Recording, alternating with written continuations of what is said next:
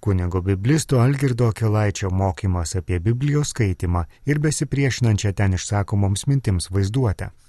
Garbėsiu Kristui. Tai kad jau man teko pirmą konferenciją skaityti, tai iš tikrųjų aš kaip biblistas pradėsiu šiek tiek apie tokią labai svarbę, man atrodo, biblinio pasakojimo savybę, ką mes atpažįstama tyrinėdami Bibliją, kad jinai turi gebėjimą sužadinti tokia, biblistai kai kurie tai vadina besipriešinančią vaizduotę. Kad vat, mes neišvengiamai gyvenam savo tikrovėje, mes gyvenam savo aplinkoje, mes esam savo laikmečio vaikai. Ir vis tik tai biblinis pasakojimas, jisai sugeba vat, tame, kuris tampa rašto mokiniu, sužadinti besipriešinančią vaizduotę. Kad vat, mes sakome, ne, klesti mirties kultūra. Bet mes, Biblijos mokiniai, sugebame vaizduotės gale žengti tokiu visai besipriešinančiu keliu, sugebėti gyventi tarsi net kitoj tikroviai, kad ta vyraujanti kultūra manęs nevaldytų, aš esu kitos kultūros mokinys. Vat tremty, ypatingai kai Izraelis buvo, jie išgyveno kažkokį nuostabų stebuklą, kuris pareikalavo didžiulės jėgos ir labai netgi daug tokios darbuotės sužadinti ir išlaikyti tą besipriešinančią vaizduotę. Tai man atrodo, kad tai kiekvieną kartą, kai mes susirenkame nagrinėti, bet, ką sako Biblija tuo ar kitų klausimų, labai verta prisiminti šitą Biblijos gebėjimą. Kodėl? Na, vat, man kažkaip nuo pat pradžių būdavo labai įdomios tos šeimos, kurios būdavo susituokusios vat, nepriklausomybės atgavimo metais. Nes tai būdavo toksai labai aiškus pavyzdys, vat, kiek tavo šeimai metų, tiek nepriklausomai Lietuvai metų. Ir per šeimą, kiek jinai užaugo, kiek vaikų pagimdė, kiek ten buvo įgyti išsilavinimo, kiek lygų pergyventa, kiek kažkokių tekčių, netekčių išgyventa, būdavo labai lengva patikrinti. Ir man atrodo, kad tai galioja ir bažnyčiai. Mes, bažnyčia Lietuvoje, esame pakankamai vieninga bendruomenė ir va, tai, ką galėjo bažnyčia kurti, atgavus Lietuvai nepriklausomybę, pavyzdžiui, šeimos centras yra viena iš tų struktūrų bažnyčios, kuri buvo įkurta atgavus nepriklausomybę. Ir šiandien šita šventė, jinai iš esmės yra labai gražus būdas pažvelgti į bažnyčios istoriją kaip į Lietuvos istoriją. Pažiūrėkit, kiek pažengė bažnyčia per 30 metų. Bet, pavyzdžiui, jūs esate šeimos centrai, šeimos centrų savanoriai, tie žmonės, kurie šitą struktūrą gimdėte, išnešiojate, jūs esate tam tikras liudijimas, nepaneigiamas liudijimas, kiek nuėjo Lietuva. Lietuva labai didelė. Ten žinot, kaip tas kukutis Martinaičio, jis, nu, bet, sakė, rūpiškai niekada nemačiau tėvynės, žinai, kaip su ta tėvynė dabar yra. O vad bažnyčių šitą dalyką įmanoma patikrinti ir man atrodo, kad mes esame nepaneigiamas liūdimas apie Lietuvą. O, o kas esame mes kaip Lietuva? Nes Lietuvą patikrinti labai sudėtinga. O vad kiek mes nuėjom kaip bažnyčia, šitą patikrinti kartais lengviau. Ir toksai žvilgsnis, aš sutinku su eminencija, kad tai gali kartais tokia trupučiuką laidotuvių nuotaika būti. Ypatingai, kai mes susidurėm su krizėm, tada aišku kyla ta tokia nostalgijos, ne, vat, kad praeitį viskas tai buvo normaliau, ne, vat, praeitį tai buvo gerai, o, o ateitis gazdina. Tai tokių dalykų būna, bet dar kartą sakau, Biblija mums gali tokių duoti besipriešinančios vaizduotės, kuri leistų mums nebūti įkalintiems tos tikrovės, kuri mus tam tikrą prasme sąlygoja. Nu, taip, mes esame vartotojiškos visuomenės nariai, mes visi esame vartotojai. Meluotumėm savo, kad tokie nesam. Ir tai veikia net ir mūsų tikėjimo santykių su Dievu. Bet Dievo žodis, jisai turi jėgą mus kažkaip vesti už visokių ribų. Tai mano tema šiandien yra šeima, bažnyčia per brūkšnį Kas už to brūkšnio slepiasi, koks ten žodis praleistas, niekas nežino, net ir kalbėtojas, žinokit. Bet labai lengva, kokį žodį praleidai ir žiūrėk, jau gaunasi pavadinimas. Ne? Šeima, bažnyčia, biblinė kelionė. Galėtumėm pradėti nuo labai tokių pamatinių trijų pasakojimų, kuriuos aš taip tokiu tik plačių potėpių pervesiu. Kaip yra, kad Dievas nusprendžia sukurti žmogų kaip vyro ir moters bet, skirti, lyti. Ne, bet, kaip Ten yra, kad Dievas sukuria žmogų jau nuo pat pradžių pažymėta skirtingumu. Tai vienas iš būdų skaityti tuos tris pirmosius pasakojimus šventajame rašte - sukūrimą, tada nuopolį ir tada Kaino ir Abelio įvykį. Vienas iš būdų žiūrėti šitos pasakojimus būtų galima kalbėti apie skirtingumo iššūkį. Trys mėginimai atsiliepti į šitą pamatinį žmogaus tikroviai skirtingumo iššūkį. Pirmasis - nuopolis. Tai čia pakankamai tas gal nuskambės sudėtingai ir aš nemanau, kad čia šitokiai konferencijai skirta ta tema, bet jeigu jūs nesusipykė su internetu, aš jums labai siūlau Šiauliuose, vat, šitas pats Barzdylas skaitė vieną konferenciją apie pradžios knygos va, tą nuopolio pasakojimą, ten šitas dalykas yra išnagrinėtas pakankamai nusekliai, nueikite tenai, aš čia tik tai priminsiu, vat, ką aš noriu pabrėžti. Kai Jėva tenai suvalgo šitą vaisių, kodėl jinai įduoda vyrui? Ne, nu, nu, prisidirba ir prisidirba, sėdėk. Kodėl jinai tą vaisių duoda vyrui? Pasiutimas gyvas. Ir, nežinau, čia viena iš versijų, bet man jinai kol kas yra pati gražiausia. Hebrajų kalboje, jeigu skaitom tą pasakojimą, ten yra nuostabus žodžių žaidimas. Ta prasme, kad hebrajiškai žodžiai vyrui jos, tas žodis skamba leiša, ir moteriai leiša skamba lygiai taip pat. Skiriasi dviem raidėm parašymas, bet tarimas yra visiškai vienodas. Ir tai gali būti labai ironiška užuomina biblinio autoriaus, kad moteris pamėgino iš vyro tenai irgi padaryti moterį. Padaryti vyrą, kuris tuo metu buvo absoliučiai skirtingas nuo jos, ne tik dėl lyties, bet ir dėl to, kad jis buvo visai kitam užrybyje. Jinai atsidūrė nuodėmės tikrovėje. O vyras, vat, ta antra pusė žmogaus, antras šonas žmogaus, dar nebuvo ten, kur ir jinai.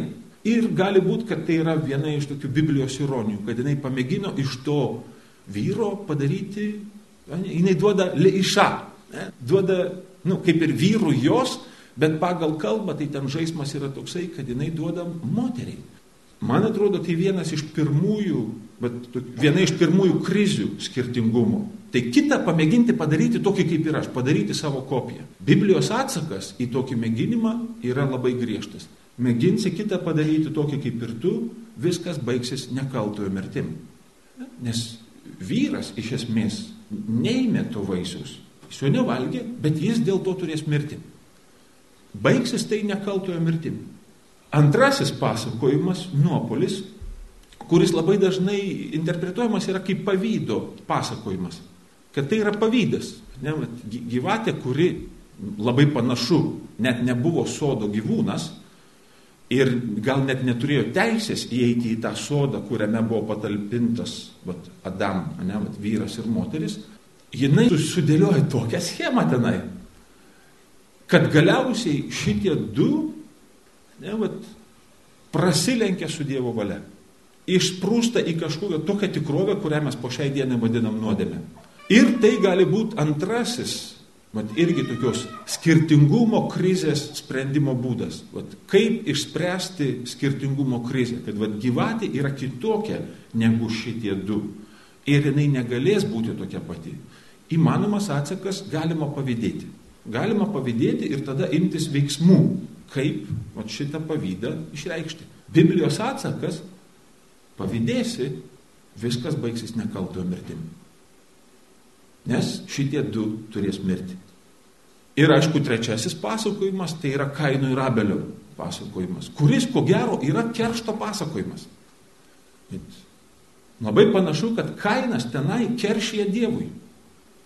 Keršyje Dievui dėl to, kad Dievas išsirinko ypatingų būdų ne jį, bet jo brolį.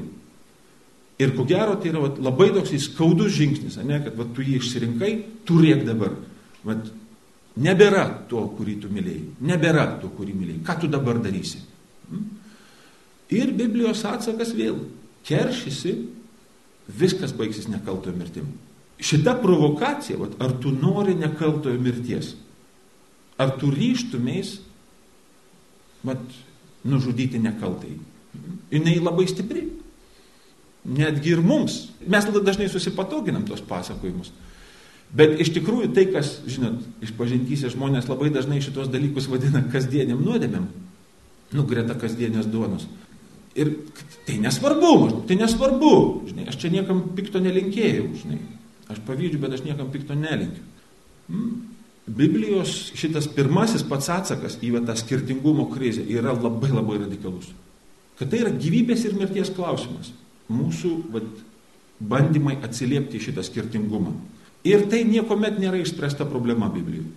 Tai aš taip pamėginsiu jums šiek tiek perbėgti per keletą nenormalių Biblijos šeimų. Aš nežinau, jeigu jūs rasit Biblijoje bent vieną normalią šeimą, būkite geri, parašykit man. Aš beveik galiu lažintis, kad jūs tokią šeimą galbūt ir surasit, bet tai nebebus Biblija. Arba jeigu jūs ją surasit, gali būti, kad tada ten yra neįsiskaityta iki galo į tekstą. Aš beveik balsuočiau, kad Biblijoje nėra nei vienos normalios šeimos. Šia prasme Biblija yra be galo savikritiška knyga. Ir netgi jeigu mes galiausiai va, taip, mėgintumėm prisiminti savo pavadinimą, kad nenuklystumėm čia per toli, apie ką čia mes vis tik tai mėginsime šnekėti, kad vis tik tai Kristus savo mokinių bendruomenę, jisai kūrė kaip šeimą. Tai, kad jisai sako savo mokiniams, jūs esate broliai, Kai jisai sako tiems, kurie sėdė aplinkui jį, jūs esat mano seserys, jūs esat mano broliai, jūs esat mano motinos. Jėzus perbraižo šeimos žemėlapį. Kas yra šeima? Vat čia, man atrodo, vienas iš tokių gal didžiausių namų darbų mums šito laikmečio žmonėms, tai vis tik pamėginti padaryti tą tokį žingsnį, ačiū Dievui už tas galimybės Galbūt ir jūs tą esat patyrę, kam tekė yra būti artimuosiuose rytuose, kur kultūra yra dar panaši po šiai dienai šiek tiek į biblinę kultūrą.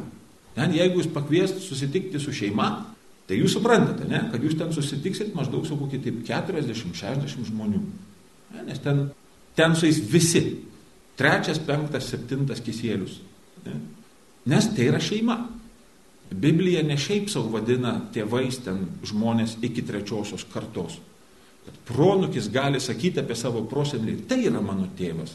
Ir aišku, ten ir tie Jėzaus broliai ten ir sesės, kur šiaušiasi plaukai katalikams beskaitant. Ne? Tai yra biblinė šeima.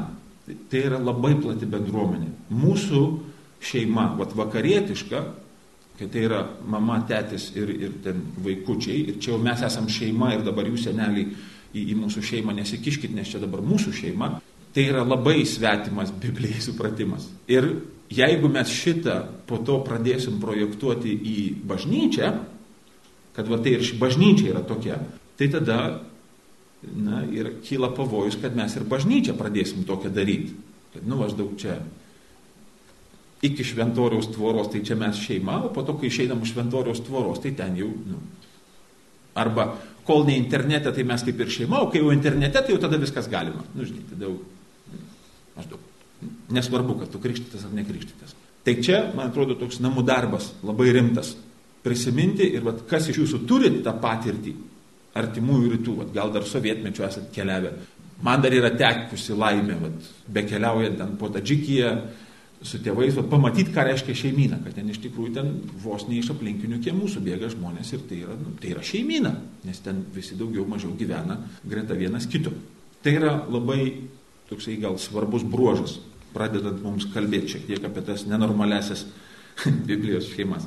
Aš jums paimsiu keturias šeiminas, kurias jūs apie jas tikrai esate girdėję, jeigu nemegojot per liturgiją. Paimkim keturias šeiminas iš Jėzaus genealogijos. Jūs žinote, ne, kad Jėzaus genealogija Mato Evangelijoje yra papasakota labai keistų būdų. Ten vien tik tai vyrai, vien vyrai, vyrai, vyrai. Ir staiga ten išnyra keturios moteris toje genealogijoje. Ne, labai keista. Nes šiaip Biblijoje įprasta yra pasakoti genealogijas per vyrus. Ir visiems kyla klausimas, kodėl, kas čia dabar per dalykas, kam tos moterys tenai. Jo labiau, kad tos moterys, tokios, žinot, Tamara, su kuria uošvis pergulėjo kaip su prostitute, tada Rahaba, kuri ir buvo prostitutė ir kurios vardas reiškia plati, mm, Rūta, mm, kuri kaip ir nebuvo nei prostitutė, nei kas nors, bet ta scena, kai jinai ten tam klojime nudengė Boazui kojas ir atsigulė šalia ir sakė, mm. mes taip galėtumėm sakyti, ne, kad autorius ten labai gražiai žaidžia tuo, kas galėjo tam klojime įvykti. Ar įvyko, ar ne, nežinia, bet kas ten galėjo įvykti. Kalba ten yra labai tokia. Mm. Ir aišku, ta, kuri urijo. Ta, kuri buvo urijo. Garsioji vadovido, ne, nu mes taip sakom, nuodėmė. Tai čia vėl, aš taip pamėginsiu trupučiu, kad tokiais plačiais potėpiais šiek tiek pereiti, kad galiausiai galėtumėm nueiti iki bažnyčios šiek tiek aptarimo. Tamara, jeigu norėsit, 38 skyrius pradžios knygos, aš labai jums siūlau tiesiog pamėginti pasiskaityti tuos tekstus, tegu būna tai tokie namų darbeliai. Vienas iš bruožų, kodėl šita krizė apskritai įvyksta, yra Dievo noro klausimas. Ten tos krizės visiškai nebūtų buvę, jeigu nebūtų buvę mėginimo laikytis įstatymo.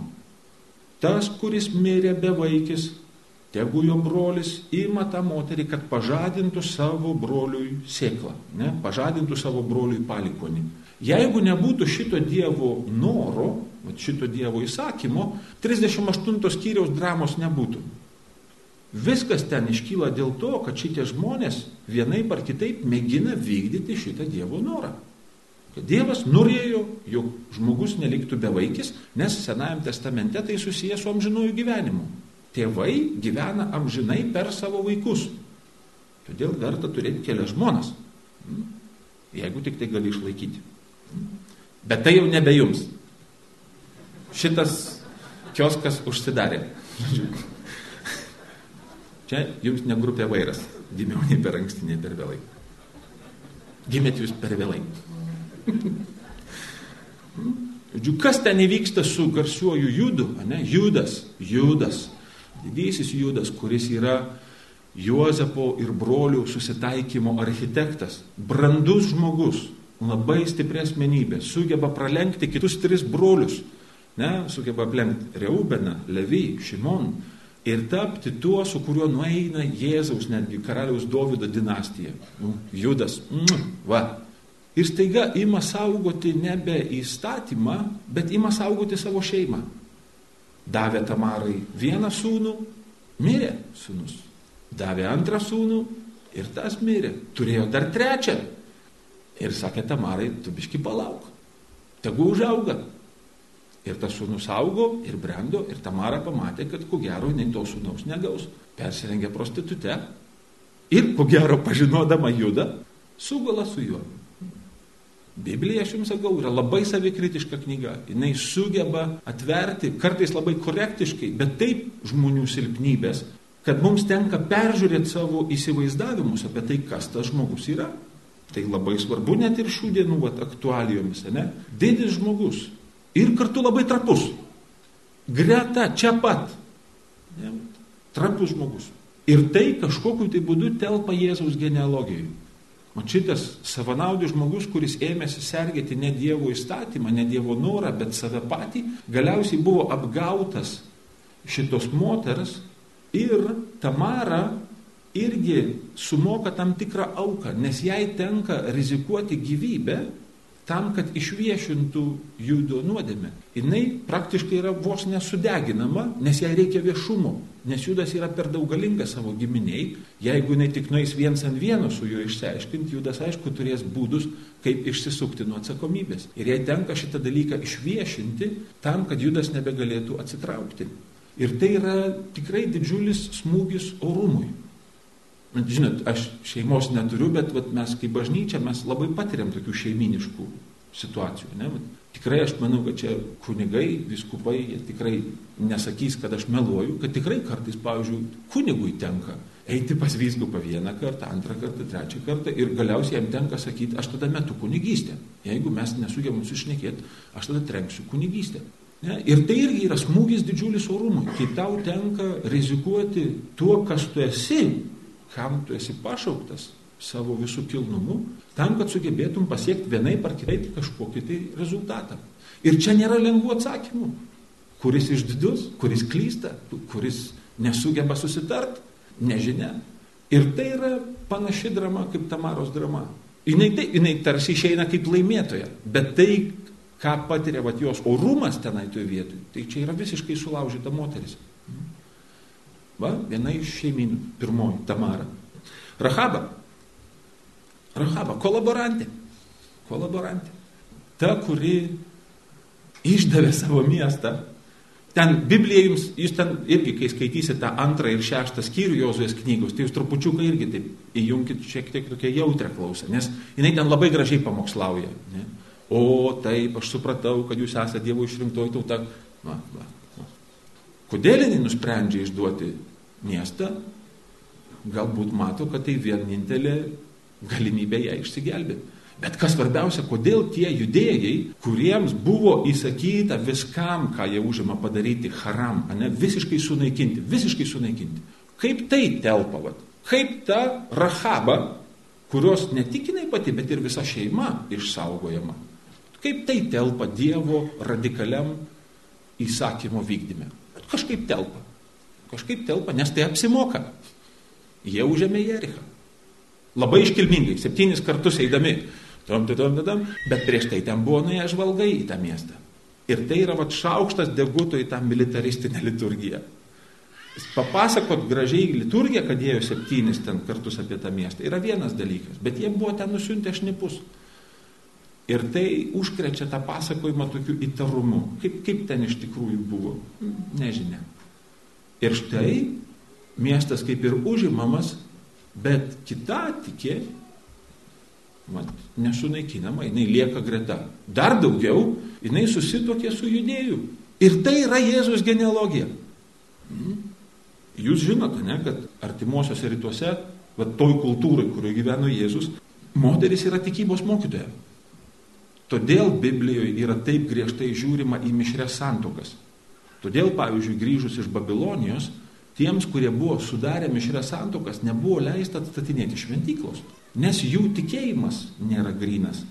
Nes pas juos tikybos mokytoja yra kita tikė, babilonietė. O čia šitam pasakojime viskas ok. Viskas, na, gerai, užsimerkiam, užsimerkiam. Nes Jerichą tai užėmėm. Apsimoka, taip? Taip. Tai yra problema. Lygiai taip pat ir turbūt kiekvienos šeimos, o juo labiau jau bažnyčios kaip šeimos gyvenime. Kada? Kur yra ta riba?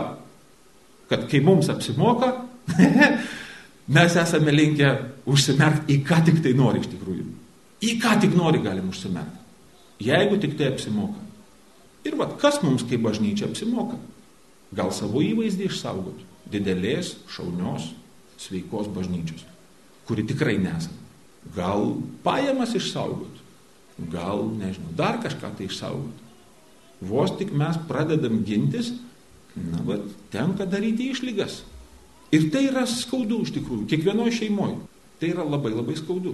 Tiek turbūt, na, aš įsivaizduoju, kad šitokios aukos jos reikalingos ir jūsų šeimose, ir bažnyčio šeimoje. Ir na, tai yra irgi, va, tai yra to biblinio pasakojimo gal net ir grožis, kad čia nėra moralizuojama, nėra kažkaip pasakoma, kad ir tai galime išspręsti, tai neišsprendžiama yra. Bet tai yra mūsų tikrovė. Rūta, ne, jau sakiau, Kas galėjo nutikti tam klojime? Kas ten galėjo nutikti? Bet žiūrėkit, kokia priešistorė. Kokia priešistorė. Šitie du, ir Boazas, ir Ruta, autorius veda šitos du veikėjus per tokias situacijas, kur jie visada turi rinktis. Jie turi rinktis, jie turi rinktis, jie turi rinktis. Ruta, ne? nuo pat pradžių. Jis turėjo rinktis. Jagi paleido. Jie sakė, tu laisva, tau nebėra šitoj šeimoj vietos, aš nieko tau negaliu užtikrinti. Jos pasirinkimas. Jis liko su, su nuome. Visiškai keistas poelgis. Boazas kiek kartų toj knygui galėjo pasirinkti vienaip, kitaip, trečiaip. Ir šitie du, jie yra kažkokia ypatinga pora. Nes kiekvienam pasirinkime jie pasirenka kaip labai taurus ir labai dori žmonės. Ir čia yra labai gražu, man tas garsusis klojimo pasakojimas, kas ten galėjo įvykti. Maža kas ten galėjo įvykti. Tai buvo dviejų taurių žmonių susitikimas labai tokio įdomio vietoj, kur ko gero jie visiškai neatsisakė nei savo taurumo, nei savo, na, va, tokio, žinot, integralumo. Nesulūžo tai vietoj. Bet tai nepanaikina didžiosios krizės. Rūta yra kitatikė. Jinai nėra žydė. Ir va šitos dvi kartos, jeigu jūs pasižiūrėsit Mato Evangelijoje, ne, tai ten yra Rahabas Salmonas ne, ir po to Boazas ir Ruta. Tai yra dvi kartos, kur ten apie ortodoksiją yra labai sunku kalbėti. Hm, nes tai yra va, šeimos, kurios buvo pusiau kitatikės. Ir tai yra Jėzaus genealogija. Galiausiai ta, kuri urijo. Tai čia aš irgi negaišiu laiko, jeigu norėsit, YouTube'ai susiraskit, ten pat mes kalbėjomės šiek tiek apie tuos Samuelio knygos 11 ir 12 skyrių, bet apie tą dramą, kuri ko gero netgi vėliau atsiliepia Evangelijoje. Bet Evangelijoje vienintelis Juozapas yra pavadinamas Dovido sūnum. Visur kitur tik Jėzus yra vadinamas Dovido sūnum Naujajame testamente. O ten vieninteliai vietoj angelas kreipiasi į Juozapą visam Naujajame testamente, sakydamas, tu esi Dovido sūnus. Kodėl? Tai jau buvo aišku nuo pradžių, jau nuo genealogijos buvo aišku, kad jis yra Dovido sūnus. Kam tą sakyti? O galbūt tai yra labai gražus reveransas tai, kuri urijo. Dovydas turėjo problemų su neščia moteriškė. Ir jis tą problemą išsprendė tokiu labai radikaliu būdu pritaikydamas dvigubus standartus, kad jam kaip karaliui galima iš esmės viskas, bet sutiko labai rimtą priešininką. Urijas staiga paaiškėjo, kad ko gero yra visą galvą aukštesnis negu Dovydas. Ir Dovydas tenai labai labai stipriai susimovė. Ir angelas galbūt sako Juozapui tenai, Juozapai, tu esi Dovydo sūnus. Tavo tėvas pabijojo O tu, kad nepabijotum parsivesti šitos. Nes jos vaisius yra iš šventosios dvasios. Galbūt, nežinia. Aš jums siūlau to pranešimo pasiskaityti, padarysit savo išvadas tenai. Na ką, mums dar liko koksai penketas minučių. Pakalbėkim truputį vat, apie tai, kaip tada yra su bažnyčia. Vat, kaip yra su tuo Jėzaus tokiu užmoju kurti bažnyčią Mat, kviesti savo mokinius tapti bažnyčią ir iš karto ją kurti ne kaip kažkokią tai bendryją, ne kaip kažką tai, bet kaip šeimą, ne, kuris ne vieną ir ne du kartus nuolat ir nuolat grįžta prie to, kad jūs esat broliai, seserys, jūs esat mano motina, jūs esate tie, kurie gimdysit mane į pasaulį. Hmm? Man atrodo, tai yra labai svarbu ir draugė labai radikalu. Ta prasme, kad jeigu tikrai mes sugebėtumėm prisimti šitokį gyvenimo būdą, na tada galbūt mes kaip bažnyčia turėtumėm šiek tiek pasitikrinti, na apskritai, va, kokia tada mūsų kasdienybė yra kaip bažnyčios. Nes dabar mes labai dažnai elgiamės taip selektyviai. Nu, maždaug, kad va, kol tas krikščionis arba kol tas katalikas man yra patogus, tai aš jį gal net ir broliu ir sese galiu pavadinti, bet vos tik tai kas nors prisidirba, nu tada jau galima jį draskyti, žinai, tada jau čia vieną vat, visą epizodą, ne, vat, Olegas Surajevas čia užpuolė kažkurį mm, pranciškonų brolį knygų mūgį. Visiškai nevykė susitikimas. Vienas pasimetė, kitas pasišaipė, nu ir, žinai, internete. Aba, nu ir ten aišku, kokie laitis daryti. Kliust, kliust, žibalo, kliust, kliust. Labai įdomus sportas. Bet žiūrėkit, Olegas krikštytas ar nekrikštytas? Arba tas vat, vaikinukas, kuris čia daugelio nusiteikusių tokiai linčio teisėje, ne, vat, sumušęs ir pamėginęs išprievartauti merginą, ne, negavo pelnytos bausmės. Krikštytas jisai ar nekrikštytas? Brolis ar ne brolis? Vat kur problema yra. Ir tai yra bėda.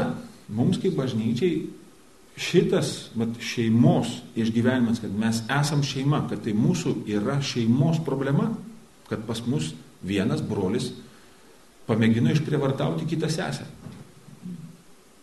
Ir vėl, ar tu nori jo mirties? Ar tu nori, kad jis mirtų? Čia yra be atsakymų. Šitie iššūkiai yra visiškai be atsakymų. Man labai patinka va, ta mintis, kad šeima šiuo metu liko turbūt vienintelė institucija, va, vienintelė vieta mūsų visuomeniai, kur žmogui leidžiama būti silpnam. Net, kur žmogus dar turi teisę būti silpnas. Ir va, nėra pašalinamas. Jis nėra atmetamas. Kaip tai su bažnyčia susiję? Ar čia vis dar žmonėm leidžiama būti silpniem? Rimtas klausimas. Nu, kai, kai mes esam silpni, tada taip, taip, leiskite man būti silpnam. Kai tu esi silpnas, tai eik susitvarkyk, žodžiu. Hmm? Eik susitvarkyk, tada grįžti. Nes tu turi būti stiprus, nes aš esu silpnas, taip? Mane turi palaikyti. Taip, keturi dalykai. Tokios, kaip sakyčiau, čia gal kaip klausimai, nežinau. Tokie vat mėginimai šiek tiek žvelgti. Du labai praktiški, kiti netokie praktiški. Vienas labai praktiškas. Susijęs su, su žadėtinių kursais. Tikrai, va, aš kaip kunigas susiduriu su tuo, kad šeimos nėra pratusios laiminti vieni kitų. Va šeimos rate. Aš labai dažnai paklausiu tų, kurie atveža krikštyti vaikus, nu, ar, ar, ar jūs laiminat vieni kitus. Ar tai yra jūsų nu, tokia kasdienybės va, įprotis. Tai yra labai retai, kad šeimyna sakytų, taip mes laiminam vieni kitus. O verta, man atrodo, kad tai netgi būtina. Tai čia toks labai praktiškas, manau, netgi labai įgyvendinamas. Tada iššūkis, kuris jau nėra toksai lengvai įgyvendinamas, bet irgi labai praktiškas. Tai net ir per tuos pačius sužadėtinių kursus, aš suprantu, kad tai galbūt nėra sužadėtinių kursų dalykas, bet vis tik tai kažkokiu tai būdu mėginti kalbėtis apie tai, kad šeima pirmiausia tai yra dviejų sutuoktinių bendra malda. Šeimos pasiutusiai nesimeldžia kartu. Vyras eina į savo kambariuką, moteriškė eina į savo kambariuką ir va ta šeima meldžiasi tame. Nu, kad Dievui būtų stereo garsas, aš suprantu, čia žinot, nu, šitas viskas man aišku. Čia jūs siekiat didesnės kokybės tie žmonės. Bet kažkas čia netaip yra. Nežinau kas. Bet čia man paprasta, nes aš celibatininkas. Nu, man čia lengva aiškinti yra. Jeigu kas nors pas mane pradėtų lysti, kai aš retais kartais melžiuosi, tai turbūt gautų tas žmogus biški Eik dabar, eik aš melžiuosi. Tada dar vienas dalykas, kurio mums Lietuvoje, aš manau, kad kaip bažnyčiai šiuo metu trūksta kaip oro. Tai vad vis tik tai, kad bažnyčios viena iš pagrindinių misijų tai yra pranašavimas. Pranašavimas ne ta prasme, kad atspėti ateitį ir ją nusakyti, bet pranašavimas ta prasme, kad atpažinti, kokia yra Dievo valia mums dabar ir šitą valią skelbti. Kokia yra Dievo valia bažnyčiai Lietuvoje. A mes, žinokit, šiuo metu mes neturim šito naratyvo. Mes net kaip Lietuva šito naratyvo neturim. Sovietmečių turėjom. Sovietmečių bažnyčia ten visokia mušama, persekoma, bet jinai labai aiškiai suvokė, kokia jos misija yra. O šiuo metu kažkur mes dar blūdėm. Ir tai yra sunkus dalykas. Bet man atrodo, kad šitas mūsų kaip bažnyčios pranašiškumas, jisai visuomet turės būti šeiminiškas be šito mes neišsisuksim, todėl kad mes esam šeima. Ir va čia gali būti, kad šitas atsakymas jisai ateis iš šeimų. Ir gal netgi tada ir Lietuva atras, vat, koks tada yra tas Lietuvos naratyvas, vat, me, kur mes einam kaip valstybė, kaip nacija netgi. Mm. Na va, ir paskutinis dalykas irgi, man atrodo, toksai labai gal net blaivinantis mūsų pačius. Čia nesena Evangelija yra, tai aš čia irgi nesakysiu pamokslo, bet man atrodo, kad tai irgi mums labai kažkaip svarbu užakcentuoti, kad Jėzus sako, jūs esate pasaulio šviesa, jūs esate žemės druska. Jėzus neturi kitos bendruomenės. Jėzus neturi alternatyvos bažnyčiai. Jūs, o kaip gerai, kai kalbė, ne? Tada galis. Jūs. Pasitimas gyvas. Vieną kartą man taip yra nutikę Londone bažnyčiai, moteriškė atsistojo vidury bažnyčios. Ir jūs. Labai gražu buvo. O čia neatsistoja, matot, kokie jis mandagus. Gražu, žodžiu. Hmm. Tai nežinau, žodžiu, klausimų mums aišku nekyla. Viskas aišku, taip? Tai, va, tai aš nežinau, man sakė, kad čia reikia dar užduoti klausimą, bet jau nebereik turbūt užduoti, taip? Užduoti? Užduoti klausimą. Na, vat, mano klausimas yra toksai. Kad vat, mes labai dažnai kalbam apie nu, vat, laimę. Lietuviškai mes nelabai turim kitą žodį. Vat, mes kalbam apie laimę, laimę, laimę, laimę. Bet laimė šiaip jau, jinai taip, pasaulio istorijoje, jinai toksai yra, nu, vat, čia yra ta fortūna. Ne, nu, vat, tokia, vat, žinai, pasisekė, nepasisekė. Na, vat, o kaip tada yra iš tikrųjų? Vat, na, kam skirtas santokos sakramentas? Jeigu ne laimiai. nu, negaliu sakyti nelaimiai. Kaip Jūs manote, nes iš tikrųjų santoka yra be galo arhaiškas dalykas. Santoka žinoma pasaulio istorijoje, nu nežinau, nuo kokių ten laikų. Kodėl bažnyčia atpažino šitą išvalgą, kad Jėzuje santoka yra sakramentas, o tai reiškia, kad va tas pasaulietinis ryšys, kad va, aš išsirinkau tave, aš tau save padovanau, tu išsirinkai mane, tu man save padovanojai, jisai turi bažnyčioje visai kitą na, dimensiją, kad va, tu esi Kristaus atvaizdas, o tu esi bažnyčios atvaizdas. Ir taip kaip Kristus myli bažnyčią, taip aš tave myliu. Ir kaip bažnyčia myli Kristų, taip aš tave myliu. Kam šitas apsisunkinimas? Juk galima gyventi paprasčiau. Aš irgi nemanau, kad į tai yra atsakymas. Bet, žinot, mes ieškome genijų visuomet. Mes ieškome genijų. Taip aš vieną kartą užsirovau su sutvirtinamaisiais. Nes aš jiems numečiau tokį seną, gerą triuką, neatsakytą klausimą apie tai, kaip ten yra su tuo žmogaus sukūrimu ir sakiau, žiūrėkit, Dievas planavo žmogų sukurti pagal savo paveikslą ir panašumą, o sukūrė tik tai pagal paveikslą. Kur čia panašumas? Nu ir aš toks maždaug, opa, opa, žinai, uždaviau klausimą, į kurį nėra atsakymų. Ir per kitą užsienimą vienas sutvirtinamasis Ir sako, kad, tai aišku, sako, kad taip turėjo būti. Ne? Nes tai yra nu, žmogaus darbo dalykas. Dievas negalėjo įsiveršti į žmogaus laisvę. Ir jisai sukūrė pagal paveikslą ir tada sakė, darbuokime kartu, nu, kad tu būtum biški panašus, nes paveikslą nupaišyti paprasta, o kad panašus būtų. Nu, ir tas sutvirtinamasis sako, todėl čia daugiskaita, todėl sako, padarykime. Tai ten, žinai, net akelaitis atsisėdo toje vietoje. Todėl ir čia yra genijų. Mandat, ir o vdruk kažkas sugebės atsakyti. Man būtų įdomu pasiklausyti. Girdėjote kunigo biblisto Algirdo Kilaičio mokymą apie Biblijos skaitimą ir besipriešinančią ten išsakomoms mintims vaizduotę.